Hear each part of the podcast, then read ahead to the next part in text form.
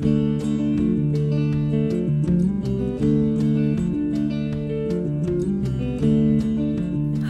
leuk dat je luistert naar de podcast Bakfiets of Backpack. In deze podcast komen verschillende vrouwen aan het woord die hun verhaal delen rondom het wel of niet krijgen van kinderen. In het eerste seizoen heb je al heel veel vrouwen gehoord met allerlei verschillende verhalen. En nu is er dus ook een tweede seizoen. De komende weken ga je opnieuw weer ontzettend diverse verhalen horen. Van vrouwen die worstelen met de keuze, die het al heel goed weten of die op andere manieren met dit thema bezig zijn. Ik hoop vooral dat de podcast je herkenning en erkenning geeft voor welk pad jij bewandelt. We zijn altijd op zoek naar uh, nieuwe verhalen, dus mocht je je geroepen voelen, schroom dan niet om contact met ons te zoeken. Je kunt ons vinden op Instagram, wel of geen gezin. Heel veel plezier met het luisteren. Dat ik zo'n moment had, ik weet het nog precies, ik liep mijn slaapkamer in, ik leg mijn horloge op mijn nachtkastje en ik ging zitten. En toen dacht ik, er is dus gewoon een reële kans dat het niet gaat lukken. Dat was echt voor het eerst dat ik echt, het is zo'n moment wat je dan bijblijft van, ja. dat ik dacht, oh ja, dat, dat, er is dus een kans. Nou ja, ik vind het superleuk dat jij vandaag met mij in gesprek wil hierover. Ja. Want uh, ja, je hebt natuurlijk uh, kort van tevoren al even contact gehad. En uh, nou, je zei ook wel van, ik vind het ook wel spannend. En ik denk wel van, nou, help. Maar ik vind ook belangrijk dat dit verhaal ook gebracht wordt. Ja. En daar ben ik ook heel blij om ja, dat je dat met ons aandurft. Zou je iets over jezelf willen vertellen, wie jij bent? Ik ben Justine, ik ben 35 jaar. En uh, ik woon in Amsterdam. Inmiddels weer na een jaar uh, op reis te zijn geweest met een camper. En uh, ja, het is bij mij helaas niet gelukt om, om kinderen te krijgen. Um, en wat ik belangrijk vind en ook vond in dat verhaal, is dat nou ja, dat verhaal ook verteld wordt. Want als je op, zoek gaat naar verhalen van mensen die geen kinderen kunnen krijgen, en zeker denk ik vrouwen, dan hoor je heel vaak de, nou ja, de, de treurige verhalen de, de negatieve kant er eigenlijk van, als ik het zo kan noemen. Um, en dat vind ik jammer. In die zin dat ik ja, ook een ander geluid zou willen laten horen. Hoe je vanuit denk ik een positieve mindset ook heel erg... Nou ja, hoe je iets uh, op een andere manier kan bekijken, waardoor je ook weer mogelijkheden kunt zien. En dat is ja. een beetje wat ik in het begin, zeker in mijn zoektocht, gemist heb.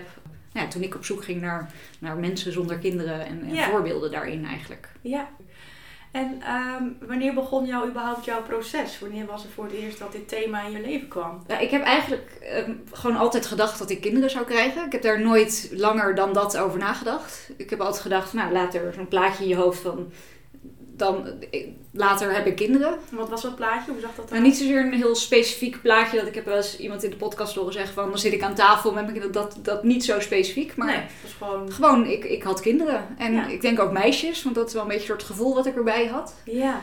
Um, en nou ja, als je dan op een gegeven moment een, een, een vaste relatie hebt... dan uh, nou, hoort dat er op een gegeven moment bij. Dat, je, dat is een gesprek. En nou, allebei wilden we wel kinderen. Ja. Maar meer dan dat hebben we er eigenlijk ook nooit... Uh, nee. over gehad. Nee, want wanneer kreeg je je huidige relatie? Uh, we zijn nu al ruim 12 jaar samen. Um, en in 2015 hebben we eigenlijk besloten om nou ja, met onze kinderwens aan de gang actief te gaan. Aan actief aan de gang te gaan. Um, en wat ik zei, ja, eigenlijk meer vanuit een soort. Ja, het hoort erbij. We zijn op een bepaalde leeftijd. Uh, we hebben allebei een, een steady baan. En uh, nou ja, ja. we hadden een huis. Dus dat, ja, het was een soort logische vervolgstap.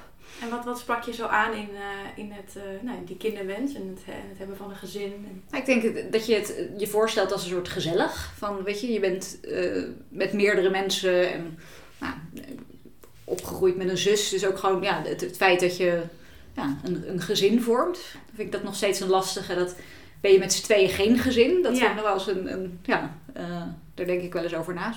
Wat is nou de definitie van een gezin? Ja, want was het, is dat, wat is dat voor jou? Gezin? Wat Uh, betekent dat voor jou? nou ja, ik zou onszelf ook wel met z'n tweeën ook wel een gezin willen noemen. Als in, Ja. Ik zou denken van de, de, ja, de groep met wie je samen woont, als ik het zo kan noemen. De Uh, basis eigenlijk. eh, ja. ja. dus in die zin ja, heb ik ja, gewoon altijd gedacht dat dat, dat gaat er komen. Uh, de, de gezelligheid van, van, ja, van een gezin.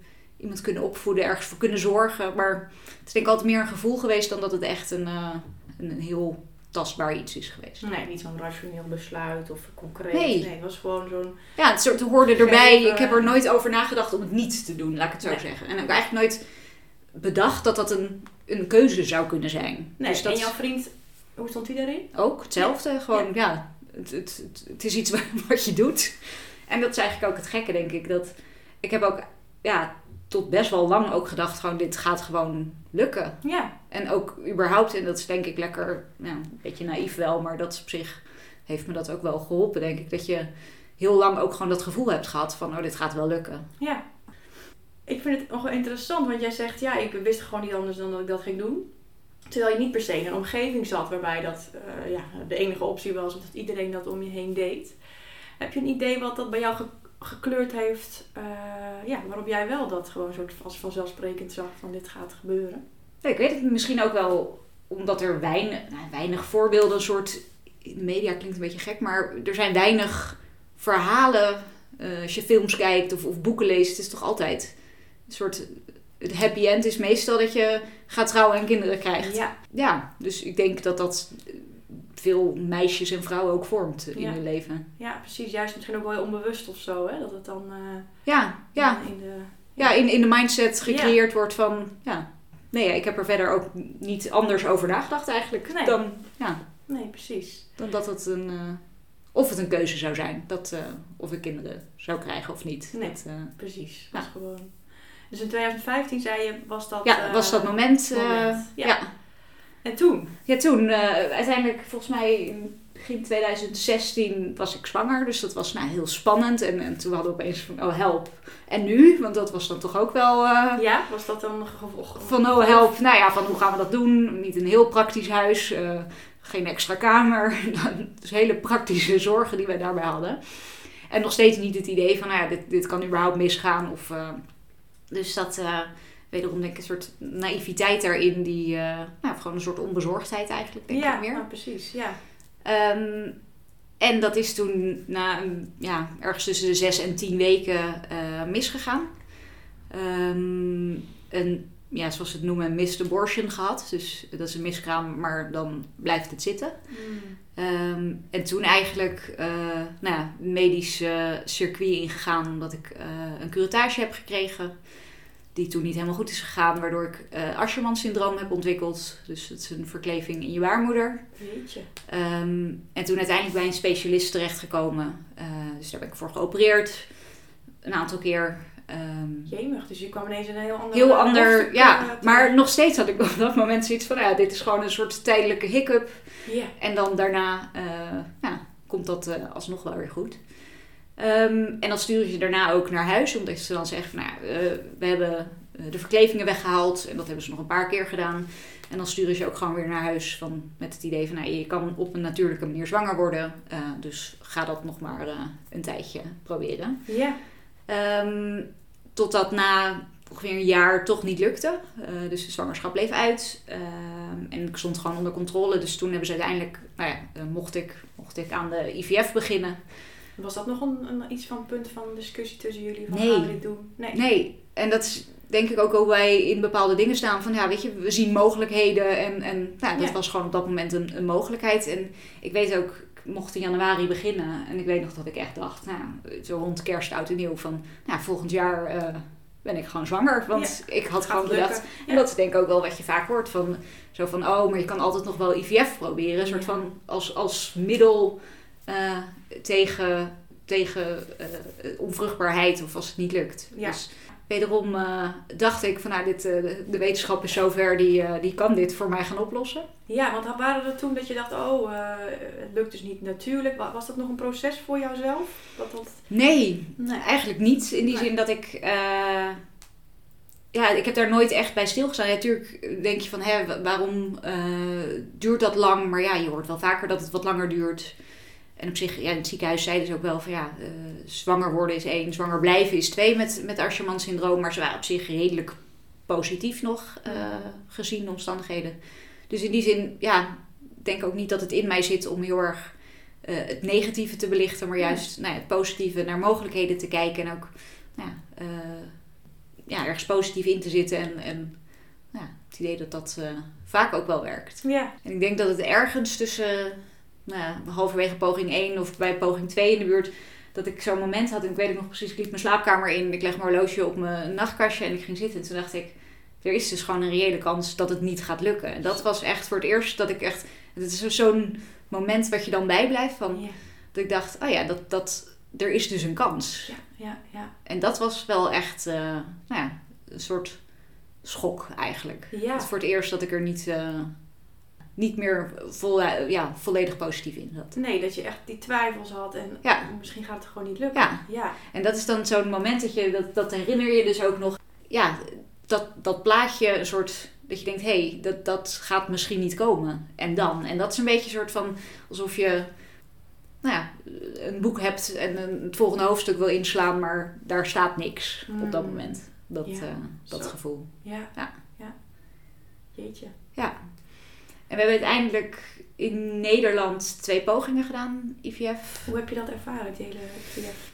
Ehm, ja, een beetje als een, een hessel. Maar eh, niet... Ik, ik heb nooit heel veel last gehad van... Je hoort altijd mensen die hormonen en, en, Ja. en helemaal verschrikkelijk. Maar op zich... Ik had er niet zoveel last. Ik ben benieuwd hoe mijn vriend dat vond. Ik zal straks even een vraag. Nee, laten we dat niet. Nee, nee. ja, ik ben daar voor mij redelijk prima doorheen gegaan. En ik zat in Haarlem in het ziekenhuis vanuit Amsterdam prima te doen. Op mijn werk altijd nou, eh, daar ruimte en tijd voor gekregen. En ja, het is, het is een beetje ja, een hessel. Je, Ja. je, moet vaak naar, je moet vaak naar het ziekenhuis. Het, het Ja. houdt geen rekening met jouw agenda. Nee. Ehm, maar op zich, En konden jullie het ook nog met elkaar een beetje leuk houden? Want dat wordt natuurlijk ook een hele andere dimensie. nou ja, zeker. Ja. Ik denk ook wel dat wij liepen altijd eh, vaak een rondje eh, in de buurt. Toen Ja. al, voor Ja. corona. Eh, en dat dat wel altijd de momenten zijn geweest dat we ook nou, het er rustig over konden hebben. Gaan graag op reis. Dus ook, ik heb ook wel eens een IVF-poging uitgesteld om naar Argentinië te kunnen. eh drieënhalve week. Dus Ja. in die zin, ben nog van baan gewisseld in de tussentijd. Dus ik heb er nooit echt dingen voor gelaten. Ik heb niet mijn leven on hold gezet Nee. eh, om die IVF-pogingen te doen. Dat Nee. eh, wilde ik ook eigenlijk niet. Dus, Nee. En wanneer was jouw eh, eerste IVF-poging? Als je dan... dat is volgens mij begin 2018 geweest. Oh ja, dus drie jaar nadat jullie... Ja, ja. En ehm, ik zei van, we zijn uiteindelijk hebben we twee pogingen in Nederland gedaan. En een poging is zodra ze een punctie doen. Oké. Eh, dus ik heb eh, eigenlijk vier zijn we erop gestart. Maar toen bleek dat ik erg weinig eicellen had. En eh, dat hadden ze niet verwacht. Ik was relatief jong, zoals je dan, eh, noemen ze je dan. Dus uiteindelijk eh, bij twee wel doorgezet. En daar zagen ze eigenlijk dat nou, van de eicellen die ze toen konden oogsten, als ik het even zo kan noemen, Ja. Ehm, dat de bevruchting niet doorzette. Dus ze zagen wel dat er iets gebeurde, maar dat deelde niet mooi door. Dus het werd nooit, weet je, je hebt van één cel naar twee. Nou, dat, dat Ja. deelt zo. En dan eh, ja, komt daar nooit een, een, eh, ja, een, een, een embryo uit die, eh, die doorgroeit. En dat was eigenlijk na die twee pogingen zeiden ze van, nou ja, we hadden die afspraak in het ziekenhuis, want dan wordt het geëvalueerd van, nou, we zien nu nog een keer dit. Waarschijnlijk heeft dat te maken met de kwaliteit van je eicellen. Eh, ik zou eh eiceldonatie gaan overwegen. En dat was voor ons ook zoiets van, hè? Dat je, ja, je, je gaat naar het ziekenhuis met het idee van, nou ja, dit, dit, Ja. dit gaan ze voor je regelen. Voor je regelen, maar ze gaan je helpen om, eh, om Ja. dit te regelen. Ehm, dus dat was op dat moment wel zoiets van, oh, nou ja, als dat er dan voor nodig is. En dan ga je daar eens over nadenken. En nou ja, mijn zus en een vriendinnetje hebben toen aangeboden van, nou ja, als je dat wil, dan zouden we los van elkaar, eh, nou ja, hebben ze dat aanbod gedaan om eh, eh, die eicellen te doneren. Nou, en ook heel veel over gehad samen. Ehm, maar eigenlijk de keuze gemaakt van, dat, dat willen we niet. Ja, eigenlijk was dat een heel natuurlijk proces waarbij je dan... Ik denk als je van tevoren daarover nadenkt dat ik misschien wel had gezegd van nou ja, dat, dat, dat doe ik sowieso alles wat er voor nodig is. Maar op een gegeven moment merkte ik gewoon van ja, dat, dat, dat gaat te ver voor mij. Ja. En Ja. niet ten koste van alles wil Ja. ik het dus blijkbaar. Dus toen bereikte je echt een grens daarin. Ja. En toen zijn we nog wel naar eh, België gegaan. Toen hebben we nog één IVF-poging in België gedaan. In, volgens mij begin 2019. Eh, Ehm, ook met het idee van nou, ieder geval een second opinion. Ehm, in België zijn ze wat verder ehm, met, met, met onderzoek doen en ze mogen wat meer hormonen geven. Dus Oh, ze kunnen wat meer in België dan in Nederland. Ja. Dus dat hebben we toen uiteindelijk eh, wel gedaan. En ik had nog een vierde poging die vergoed werd eh, door de verzekering. Dat was één verzekering die, de, eh, die tot vier vergoedde. Maar toen hebben we eigenlijk gezegd, want in België kwamen we nou weer tot hetzelfde punt. Dat ze zeiden van, nou ja, ik had wel twee keer zoveel eicellen door de hormonen. Mhm. Maar uiteindelijk zagen ze gewoon dat na drie dagen gewoon die deling Mm. ophield. En kreeg ik eigenlijk hetzelfde te horen dat nou ja, de kwaliteit van mijn eicellen niet goed genoeg eh, was. En dat was eigenlijk het moment dat wij hebben gezegd van, nou, dan houdt het ook gewoon op. Zo. Ja, want dan krijg je dat nieuws, dan zit je daar weer van, nou, het gaat, het gaat niet, hè, het is Het gaat niet lukken, gaat ja. niet lukken.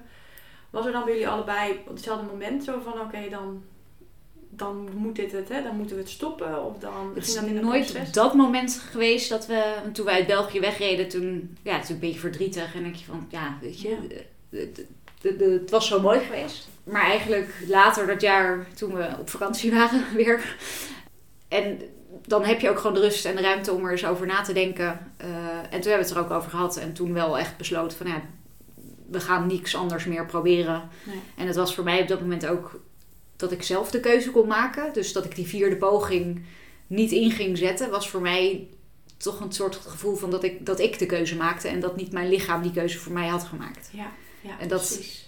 Heeft voor mij echt wel het gevoel gehad van dat ik nou ja, zelf weer aan het roer stond. In plaats van dat ik Ja. geleefd werd door de onmogelijkheden van eh, eh, mijn eh, lichaam eigenlijk. Ja, ja, en, en de buitenwereld is ermee bezig, bij wijze van. Ik bedoel, je, je hebt zo'n punctie en eh, nou ja, eh, het is natuurlijk, er is niks romantisch meer aan.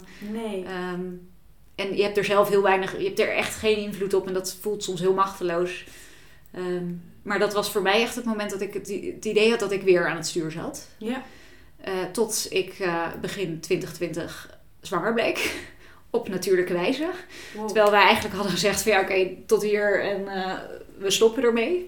Ehm, maar dus ik eh, zwanger bleek. En dat is uiteindelijk ook weer na zes weken ongeveer misgegaan. Jeetje. En dat was wel echt het moment dat ik dacht, dit wil ik niet. Ik wil niet deze rollercoaster eens in de zoveel tijd. Dus sindsdien eh, heb ik ook een spiraal genomen om, nou ja, om dat tegen te gaan. Jeetje zeg. Ja, Zo.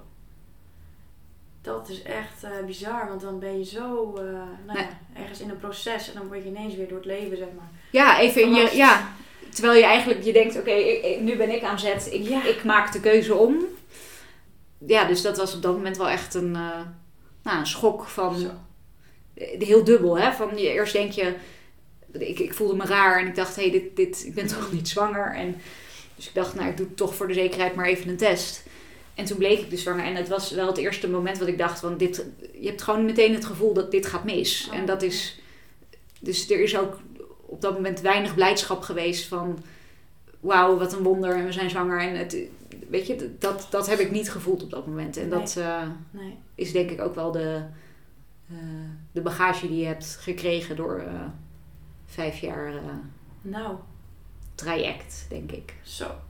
En is dat dan ook te herleiden aan die aandoening? Of, Nou ja, het, het zijn twee losstaande dingen. Kijk, dat eh, ik twee miskramen heb gehad, is te herleiden aan het feit dat waarschijnlijk mijn eicellen niet goed genoeg zijn. En dat is ook frustrerend. Dat, eh, dan ga je in het ziekenhuis vragen, ja, maar wat is er dan niet goed aan? En eh, weet je, kan ik er iets aan doen? Is er onderzoek naar gedaan? En dat schijnt zo ja, lastig te zijn in die zin. Ze weten het gewoon niet. Mm. Er schijnt zoveel onduidelijkheid nog over te zijn. Er is heel weinig onderzoek naar gedaan. Of in ieder geval niet eh, specifiek in mijn geval. Dus dat, dat is wel heel lastig dat je gewoon niet meer, ja, niks meer weet dan dat het eh, de kwaliteit is. En, en dat is wel wat ze zeiden in het ziekenhuis. Zwanger worden is één. Nou ja, dat was al lastig bij mij met de eisen die ik heb. En zwanger blijven, dus in, met de conditie van mijn baarmoeder met verlevingen, was ook nog eens een issue. Ja, ja. En dat heeft er wel aan bijgedragen dat ik dacht, ja, ik, ik, niet ten koste van alles en zeker niet ten koste van mezelf eh, Nee, ga ik hiermee nee. door. Jeetje. Dus dat is nu twee jaar geleden dan? Ja.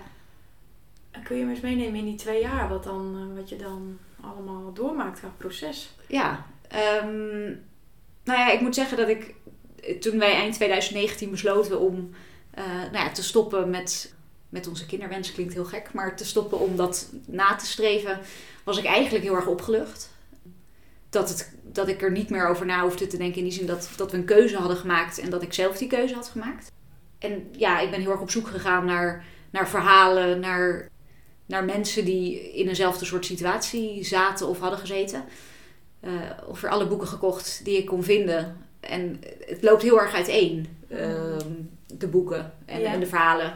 Heel vaak, wat ik zeg, weet je, die, die treurige en het, het, het, weet je, het, ja, het negatieve is het niet, want zo kan ik het niet noemen, maar de, de treurige kant van het, eh, ja, vruchtbaarheidsprobleem eh, of problematiek. Ja. Eh, en ik was heel erg op zoek van ja, ik wil een leuk leven en, en ik geloof dat er heel veel mogelijkheden zijn tot een leuk leven en Ja. dat het juist ook heel veel kansen biedt. Ehm, maar die verhalen vond ik niet direct, Mm. dus dat vond ik in het begin heel lastig. Als je goed gaat zoeken, zijn ze er absoluut. Maar sowieso in jouw nabije omgeving was er niemand met problemen met vruchtbaarheid? Of? Wel wat mensen, maar die hadden inmiddels wel, eh, was het daar gelukt. Dus in die zin weinig en, en echt mijn directe vriendinnengroep eh, ben ik inmiddels, eh, nou ja, bijna de enige die geen kinderen heeft. Dus in die zin is dat ook best lastig. En dat, Ja. dat je afwijkt van de norm of de heersende norm, vind ik, ja, vind ik soms best lastig. Ja. En ook nou, dat mensen je soms zielig vinden.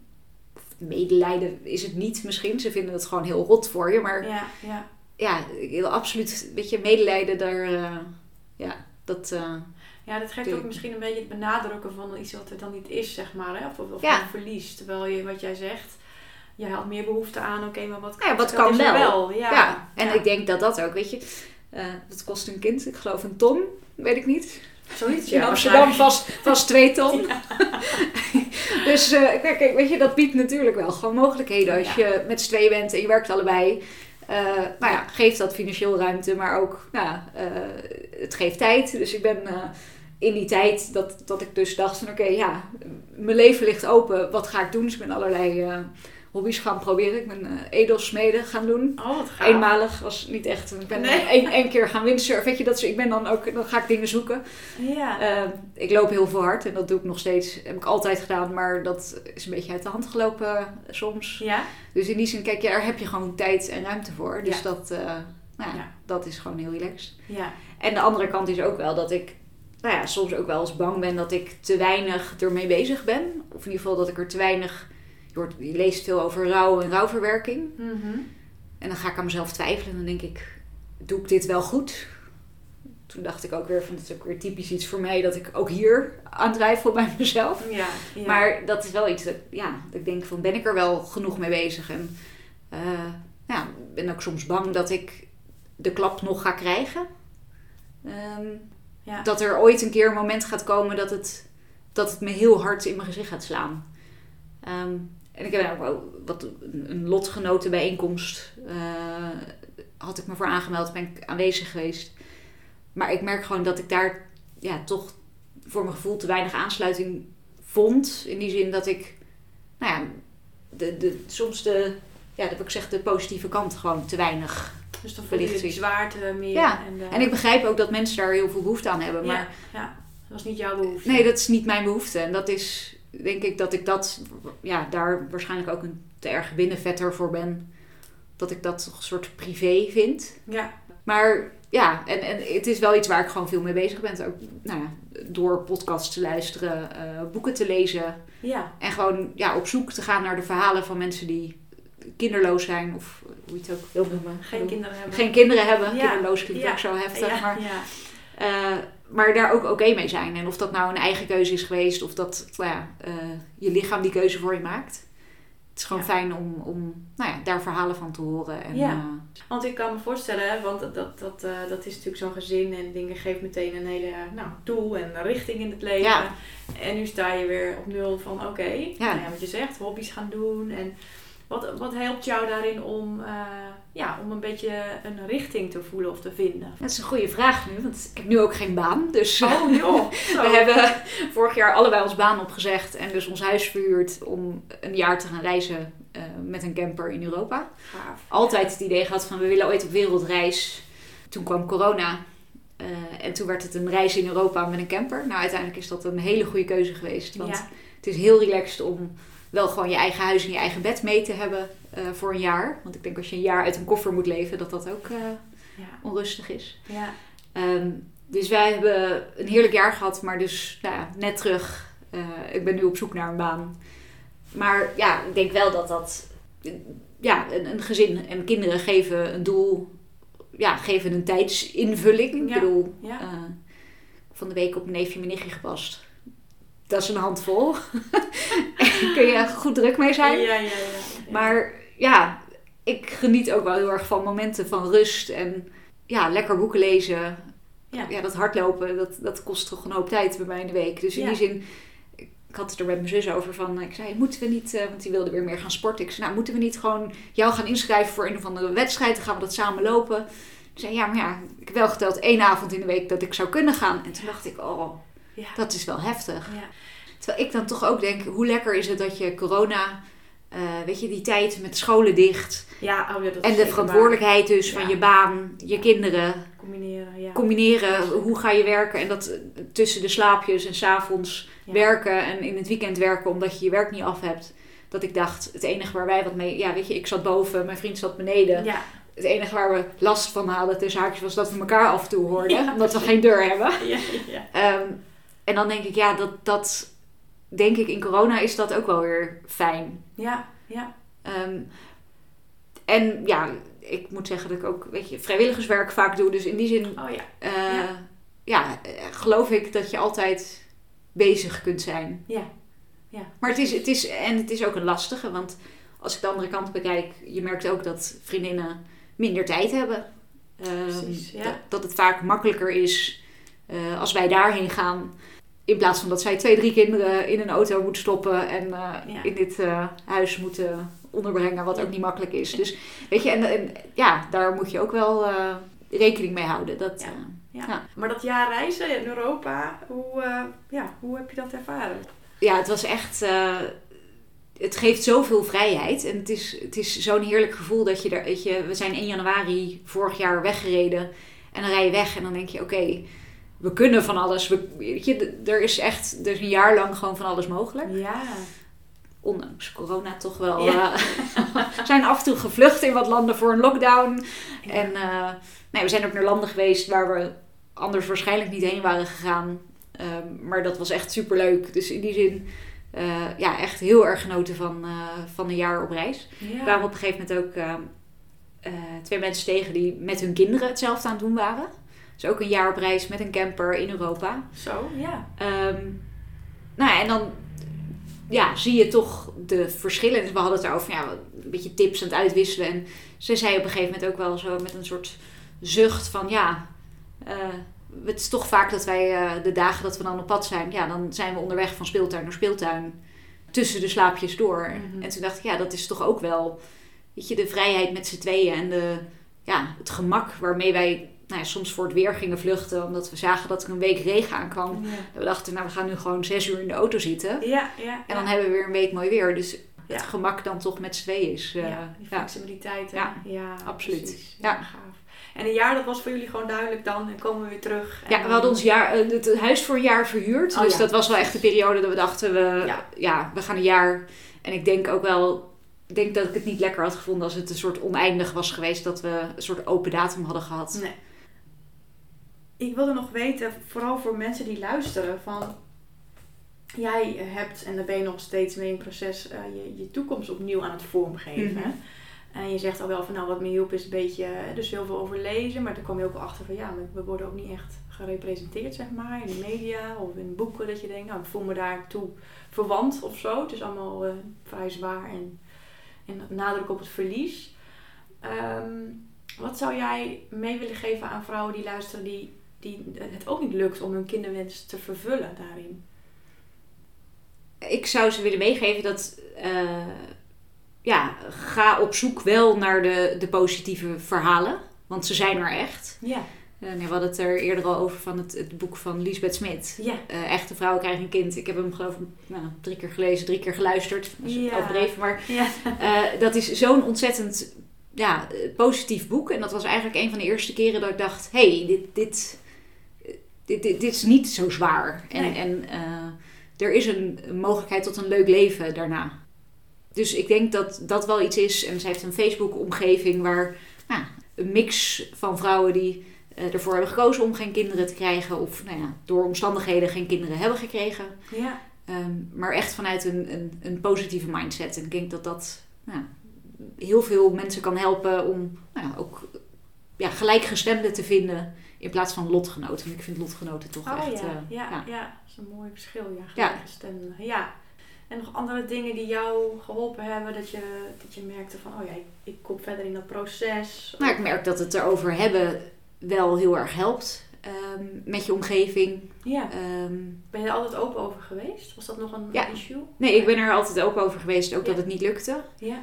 Heel fijn ook eigenlijk, want nou, ik merk ook dat ik, dat ik er prima over kan praten en dat ik het ook fijn vind om erover te praten. Ik moet ook zeggen dat ik hele lieve vriendinnen heb die ook af en toe vragen van hoe dat dan is. Ja. Ehm, heeft ook wel eens ooit iemand tegen mij gezegd van toen we besloten hadden om te stoppen van oh dat is wel fijn zeker dat het nu klaar is. En dat is eigenlijk, natuurlijk was het klaar, maar eigenlijk voor mijn gevoel begon het ook net pas. Zo van oh er begon iets anders. Ja. Natuurlijk was het klaar met, met ziekenhuizen en ik weet ook niet wat de insteek was op dat moment. Nee.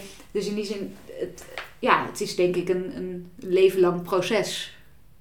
Ja, Maar dat is allebei de kanten natuurlijk wel. Kinderen krijgen of geen kinderen. Ja, ja, eh, ja. Is een leven lang proces. Ja, precies. Eh, en ik moet ook zeggen, wat heel erg geholpen heeft bij mij is dat mijn moeder op een gegeven moment vroeg van... Heb je misschien nog boeken die ik kan lezen? Want die wist dat ik er veel mee bezig was. Veel eh, aan het lezen en aan het luisteren was daarover.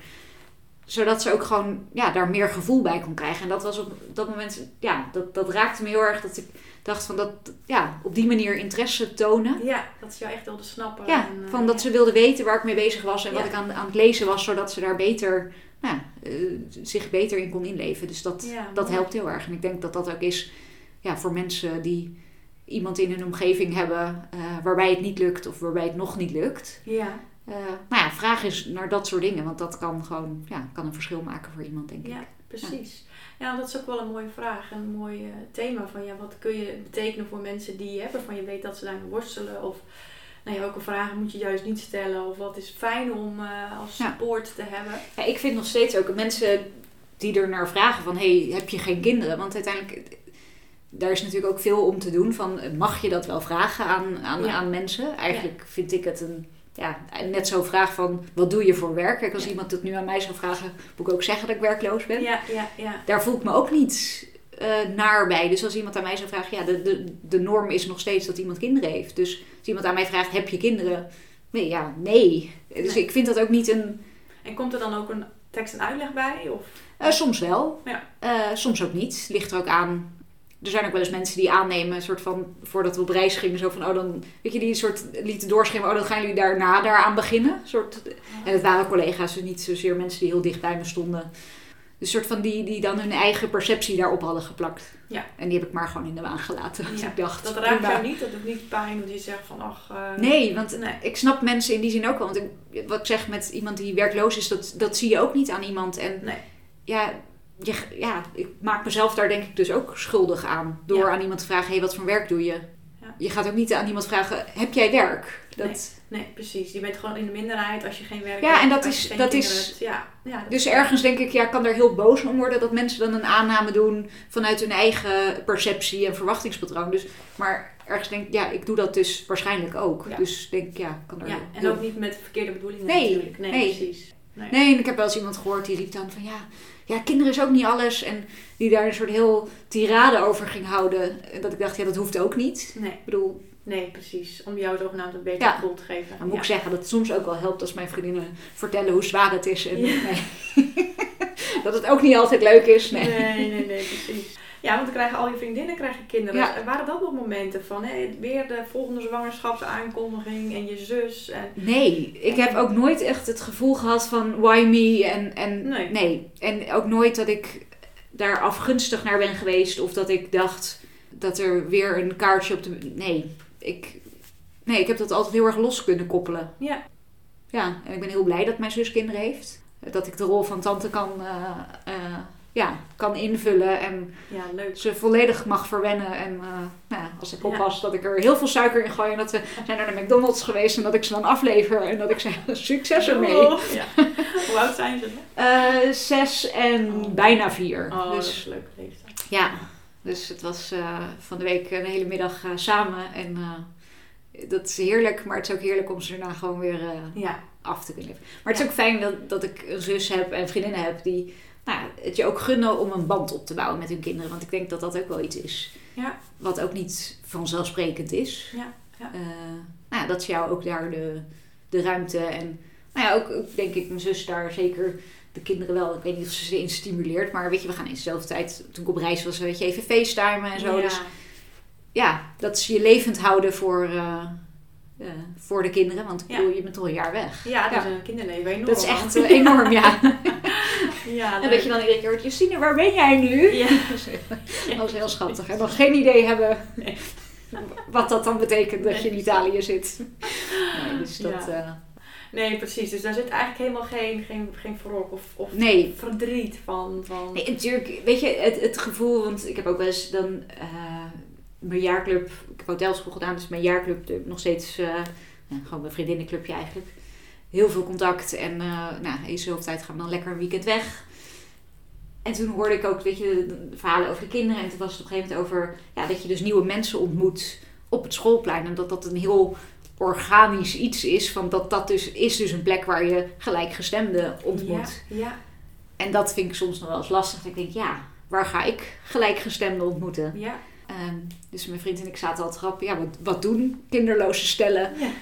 Eh, wat voor hobby's hebben die? Toen zijn we een wijncursus gaan volgen samen. Hartstikke leuk. weet je. Nou ja, dus ja. we- ik, ik grap er een beetje over. Maar het, is, ja, het zou wel iets zijn... Die eh, behoefte hebben die allebei wel om iets meer... nou, ik denk ik meer dan, dan mijn vriend. Ik denk ook dat dat voor vrouwen anders zit dan voor mannen, denk ik. Maar ik zou op zich, ja, ik zou ja, daar wel een soort netwerkje in willen hebben. En dat je nou, ook daarin wat, wat contacten opdoet. Ja. Ik moet ook zeggen dat wij het vaak benoemen ook hoor. Dat, en dat doen we onszelf natuurlijk gewoon aan. Maar van, oh, het is toch wel lekker dat je, weet je, dus je, ja, vanuit die soort positieve psychologie zijn we er Ja. wel bewust mee bezig om... eh, En, en die andere kant, want ik, ik kan me ook voorstellen, wat ik bedoel, ik kies bewust hè, voor Ja. geen kinderen. Maar ik kan zelfs nog soms denken, oh, dan ga ik nooit zien hoe mijn vriend ja, in zo'n klein ventje zit bijvoorbeeld. Hè? Dat, je- dat, dat ja, is toch ook nee, wel- dat lijkt me echt, dat lijkt me heel, dat vind ik wel echt, eh, Ja, ja, dat vind ik heel jammer. ja, En ook van ja, dat je een eigen kind, wat je zegt van het kan op jou lijken. En, maar ja, aan de andere kant denk ik ook, het kan zoveel misgaan. En, dus in die zin, ja. En het, leuke is dat mijn neefje heel erg op mij lijkt Oh ja? als baby. En, en, en laatst hadden we zo twee foto's ja, van die. Ik leek dus op een jongetje vroeger, dat is jammer. Echt waar. Maar dan zag je zo dat mijn moeder dat naast elkaar geplakt. Dus in die zin, dat vind ik dan, dan zwelt mijn hart ook echt. Een soort van, weet je, hoe leuk is het dat iemand dus op je lijkt? ja, ja. En dat vind ik dan, weet je, dat, dat is dan wel echt de next best thing. Maar ja, het is de next best thing. Dus in die zin, absoluut mis je dingen. Ja, en, en ga je dingen mislopen de komende jaren, de rest van mijn leven. ja. Want ik denk ook dat als je eenmaal de leeftijd van mensen worden oma, ik denk dat dat misschien nog wel heftiger is. Weet ik niet. Maar echt weer helemaal opnieuw, hè? ja, Ja, dus dat, ja, tuurlijk is dat lastig. En ja, dat, dat blijft gewoon denk ik een proces waar je doorheen gaat. En het is echt niet dat ik, dat ik iedere dag denk, yes, het is niet gelukt. Ik bedoel, ik heb ook dagen dat ik denk dat ik ervan baal en dat ik er verdrietig om ben. En ja, ja. ja, ja dat je denkt van, ja, dat, het, het had zo anders kunnen zijn. Ja, en, en wat ik zeg van, misschien moet ik die ruimte soms wat vaker nemen. Ehm, maar ja, dit is mijn manier hoe ik ermee omga. Ja. En nu toe werkt dat. ja. En jouw vriend, hoe heeft hij dit ervaren en deze nou ja, conclusie die jullie hebben moeten trekken? En die is heel eh, pragmatisch en nuchter. Ja, Eh, heeft ook eigenlijk niet een hele heftige kinderwens. Dus in die zin heb ik daar denk ik geluk mee. Ja, dat hij zoiets had. Ja, dat, ja jammer, maar nou ja, er zijn zoveel mogelijkheden zonder kinderen. Ja, is, ja, wat ik zeg, hij is heel nuchter onder. Ja. Dus ja, het is geen eh, dealbreaker in onze Nee. relatie, absoluut niet. Nee, Nee, nee, gelukkig. Want Ja. ik bedoel, dat had ook nog gekund. ja nou. Want dat had ik denk ik wel heel heftig gevonden. Want het ligt toch aan mij. Ja, ja, ja. En dat het dan, eh, ja, wat een, een verdrietje daar een ander mee kan doen. Nou, dat vind ik soms ook nog wel lastig hoor. Dat ik denk heel blij dat mijn zus kinderen heeft. Dat ik mijn moeder zie als oma. Maar ja, dat, ja, voor zijn ouders, ja. Ik hoop dat zijn broer misschien nog, eh, Ah, hij heeft een broer nog? hij is ja. nog geworden. Ja. Wie weet. Ja. Maar dat is toch ook wel iets dat ik denk, ja, dat, dat vind ik toch wel... eh, ik had het ze graag gegund. Maar ja. ja. ja, en dat is ook wel gek. Dat je soort je wordt ouder, maar soort van omdat je geen ouder wordt, heb je soort. Ja, de, de relatie met je moeder blijft hetzelfde. En ik heb dat wel eens tegen mijn moeder gezegd en die was het daar niet mee eens. Want die had zoiets van ja, maar ja, dit, ik heb toch nog steeds dezelfde relatie met mijn zus dan in dat geval. Maar ik denk toch dat je daar. Nou, dat je toch zeker als je als dochter kinderen krijgt, dat je dat met je moeder toch op een andere manier deelt. Ja, dat denk ik ook. Ja. Maar mooi dat je, dat je daar zo open in bent en dat je daar ook in probeert van hé, hey, wat kan ik hier eh, voor moois uithalen? Ja. En wat kan het mijn leven nog brengen in de toekomst? En eh, dat vind ik wel heel, eh, heel sterk. Ja. Maar ik denk dat dat de manier is om ermee om te gaan. In ieder geval voor mij. Ja, om, weet je, zodra je gewoon het ziet als een, nou, wat ik zei van dat, dat, dat boek wat eh, ophoudt bij een hoofdstuk en ja, je kan daarna ook door en, en, en kijken wat het, eh, welk hoofdstuk je zelf kan schrijven. ja. Bedankt voor je openheid en het feit dat je überhaupt mij eh, benaderd hebt om je verhaal te doen. En ik vind het ook heel waardevol dat ook dit geluid eens een keer eh, gehoord wordt. Dank je wel daarvoor. Graag gedaan.